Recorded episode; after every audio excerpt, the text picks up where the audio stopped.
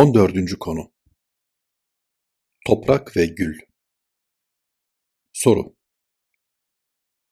Sadi'nin Gülistan'ında yer alan Toprak ol toprak ki gül bitiresin, zira topraktan başkası gül bitirmez sözünün, kulluk anlayışımız açısından ifade ettiği manalar nelerdir? Cevap Bu güzel sözü öncelikle hakikat manasında ele alacak olursak şunları söyleyebiliriz. Gül sadece toprakta biter. Granitin, mermerin veya demirin üzerinde gülün neşvü nema bulması mümkün olmadığı gibi, insanlar nazarında çok kıymetli olan gümüş, altın, zebercet ve yakut gibi değerli madenler üzerinde de gül bitmez. Esasında öldükten sonra insanların toprağa gömülmesini de bu espriye bağlayabilirsiniz. Ölen bir insan kaldırılıp bir kenara atılmıyor. Bilakis o öbür tarafa ait güller bitirmesi için toprağa gömülüyor. Bu ister ac büzzenep hakikatine, isterse başka bir yoruma bağlansın. İnsanda öyle bir öz var ki, Allah Celle Celaluhu onun üzerinden insanı yeniden ihya buyuruyor. Fakat bu dünyada henüz toprağa gömülmeden manen kendisini çürümeye salmış bir insanın, ukba yamaçlarında bir gül halinde arz endam etmesi mümkün değildir. Kulluğun zirvesi secde. Öteden beri toprak hep tevazu ve mahviyetin misali olarak zikredilir. Çünkü o ayaklar altında ezilmesine rağmen insanlar ve diğer canlılar için Allah'ın Celle Celaluhu izni ve inayetiyle hep bir hayat kaynağı olmuştur. Dolayısıyla insan da yüzü yerde olduğu, hangi konumda bulunursa bulunsun kendisini hep sıfır gördüğü, Allah karşısında el pençe divan durduğu sürece yükselip meyve verecektir. Ancak o büyüklük taslayıp havada uçmaya kalkıştığında ise er ya da geç tepe taklak yuvarlanıp gidecektir. Bu açıdan insan Allah'ın Celle Celaluhu kendisine olan ihsanları, nimetleri ve mazhariyetleri ölçüsünde tevazu ile eğilmelidir. Bu hakikati namazdaki rükünleri düşünerek zihninizde canlandırabilirsiniz. Mesela Allahu Ekber deyip kemerbeste-i ubudiyet içinde kıyama duran insan, Allah karşısındaki bu halini yetersiz görür ona doğru ayrı bir tazim ifadesi olan rükûa gider, asa gibi iki büklüm olur.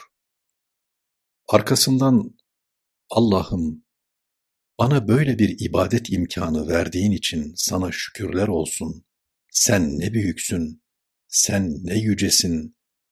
Tek büyük sen olduğuna göre bana küçüklük düşer. Fakat ben ayaktaki halimle bunu ifade edemem. İşte iki büklüm oluyor ve senin karşında eğiliyorum duygularıyla secdeye kapanır. Daha sonra muradını arıyor gibi başını secdeden kaldırır. Adeta kendisine açılan kapı aralığından ona bakıyor gibi yönelip, hayır bu yetmedi der, tekrar secdeye kapanır. Nitekim insanlığın iftihar tablosu sallallahu aleyhi ve sellem akrabu ma yekunul abdu min rabbih ve huve. Kulun Rabbisine en yakın olduğu an secde halidir ifadeleriyle secdenin dışında insanın Allah'a daha çok yakınlaşabileceği başka bir halin bulunmadığını ifade buyurmaktadır.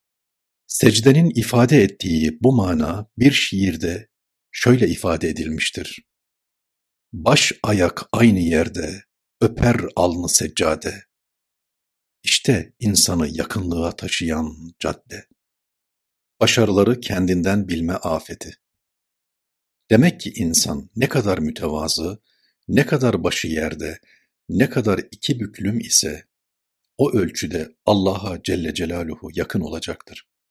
Esasında Allah'a gönülden inanmış bir insanın başından aşağı sağanak sağanak dökülen nimetler karşısındaki genel mülahazası budur. O, Rabbi Kerim'inin sonsuz nimetleri karşısında tevazu ile eğildikçe eğilir, ayağını bastığı yere başını koyar, sonsuz karşısında sıfır olduğunu ilan ve itiraf eder. Bu açıdan kendisini dinine, ülkesine ve milletine hizmet etmeye adamış insanlar, hangi başarıları elde ederlerse etsinler, hangi konuma yükselirlerse yükselsinler, hiçbir zaman elde edilen başarıları kendilerinden bilmemelidirler. Hep yüzleri yerde olmalı ve O'nun Celle Celaluhu rızasından başka hiçbir beklentiye girmemelidirler. Dünyevi veya uhrevi bir geri dönüşe gönül bağlamamalıdırlar. Kendilerini hak yoluna adamış insanların yaptıkları hizmetler karşılığında dünyaya ait şu işim hallolsun, rahat yaşayabileceğim bir evim olsun, çocuğum bir yere gelsin gibi mülahazalara girmemeleri gerekir. Dahası onlar yapılan hizmetleri cennete girmeye veya cehennemden sakınmaya bile bağlamamalı. Bunları Allah'ın lütfundan, inayetinden, riayetinden ve kiraetinden beklemelidirler. Yoksa dinine, milletine hizmet etme iddiasıyla ortaya çıktıkları halde keselerini dolduran, oluşturdukları havuzlara bir şeyler akıtan insanlar, hal ve tavırlarıyla apaçık yalan söylüyorlar demektir. Yapılan hizmetleri popülizme, alkışa, takdire bağlama, müşarun bilbenan, parmakla gösterilen olma maksadını takip etme, dünyevi bir kısım makamların arkasına düşme, hem riyakarlık, hem bencillik ve hem de Allah'a karşı saygısızca pazarlığa girme demektir. Bir lütfu ilahi olan başarıları ve nimetleri kendilerinden bilen, bunları kendi akıl, zeka, fetanet ve dirayetlerine veren, bu istikamette firavunca laflar edenlere bugün bir fırsat verilse bile, yarın bu fırsat onların ellerinden alınır, burunları yere sürtülür, bugün şımarıp küstahlaştıkları ölçüde yarın mahcup duruma düşerler. Adet ilahiye böyledir ve onun değiştiği hiç görülmemiştir. Gübre ol ki güller yetişsin. Hakiki bir müminin nail olduğu bir kısım muvaffakiyetleri kendi çıkarları istikametinde kullanması veya üzerinde bülbüller ötüşüyor diye şımarıp küstahlaşması söz konusu olamaz, olmamalı. O mazhar olduğu ihsan ve ikramlar karşısında acaba ben gülümle, çiçeğimle, yapraklarımla, kökümle yeniden bir kere daha toprağa dönüp yeni bir kısım güllerin neşvünema bulması için uygun bir ortam ve zemin teşkil edebilir miyim mülahazalarıyla hareket eder, etmelidir. Üstad Necip Fazıl, makamı cennet olsun, kendisinden bahsederken beni de bir gübre kabul edin derdi. Onun bu sözünü hiç unutmam. Aslında kendi büyüklüğünün farkında olmasına rağmen bu mülahazalar içinde bulunması, onun tevazu, mahviyet ve hacaletini ifade etme adına çok önemlidir. İşte bir mümin kendisine böyle bakmalıdır. O bir gül bahçesine dönse, her tarafa ser çekse, dört bir yandan bülbüller üşüşerek onun yapraklarına konsa, onun için şarkılar ve naatlar okusa, o tekrar yeni güllerin bitmesi adına gül yaprakları halinde toprağa dökülmelidir. Zira Allah'ın sağanak sağanak başımızdan aşağıya yağdırdığı nimetleri karşısında bize düşen vazife, mahfiyet, tevazu ve hacaletimizi daha da derinleştirme olmalıdır. Hatta birileri bizden bahsettiğinde biz, Allah Allah, ne halt karıştırdık ki bu insanlar bizim için sövme manasına gelen bu övgü dolu sözleri söylüyorlar demeliyiz. Ortaya konulan hizmetleri ille de esbab-ı adiye içinde bir sebebe dayandırmak gerekirse, onu müminler arasındaki vifak ve ittifaka vermelidir. Cenab-ı Hakk'ın Celle Celaluhu vifak ve ittifakı kendisine yönelmiş bir teveccüh veya nazar kabul ettiği teveccühe teveccühle, nazara da nazarla mukabelede bulunduğu düşünülmelidir. Çünkü vifak ve ittifak, tevfik-i ilahinin en büyük vesilesidir. Enfal suresinde geçen وألف بين قلوبهم لو أنفقت ما في الأرض جميعا ما ألفت بين قلوبهم ولكن الله ألف بينهم İnnehu azizun hakim. Allah müminlerin kalplerini birbirine ısındırıp bir araya getirdi. Şayet sen dünyada bulunan her şeyi sarf etseydin, yine de onların kalplerini birleştiremezdin. Fakat Allah onları birleştirdi. Çünkü o azizdir, hakimdir. Ayet-i kerimesinin de işaret ettiği üzere asıl mesele Allah'ın Celle Celaluhu inayeti, riayeti ve kilayetidir. Biz onunla münasebetimizi ne kadar sıkı tutarsak, o da birlerimizi bin yapar. O bir damlaya koskocaman deryanın, bir zerreye güneşin, bir karıncaya da gergedanların işini gördürmek suretiyle büyüklüğünü ifade eder. Çünkü Allah'ın büyüklüğünü ifade etme hususlarından birisi de çok küçük unsurları kullanmak suretiyle büyük işler yapmasıdır. Nitekim Fahri Kainat Efendimiz sallallahu aleyhi ve sellem ruhunun ufkuna yürüdüğünde sayıları 30-40 bini geçmeyen sahabe-i kiram efendilerimiz o dönemin iki süper gücü olan Bizans ve Sasani'nin hakkından gelmiş, devletler muvazenesinde önemli bir yere oturmuş ve dünyaya yeni bir nizam vermişlerdi.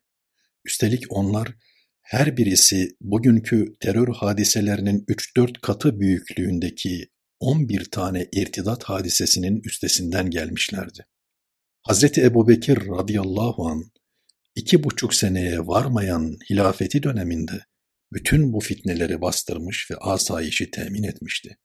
Bugün onca mekanize birliğe rağmen bir terör hadisesinin önüne geçemeyenler hicapla iki büklüm olmalıdırlar. Toprakla öyle bütünleş ki mezarın dahi bilinmesin. Allah besbaki heves. Alkışa, takdire, alayış ifade eden sözlere ihtiyacımız yok.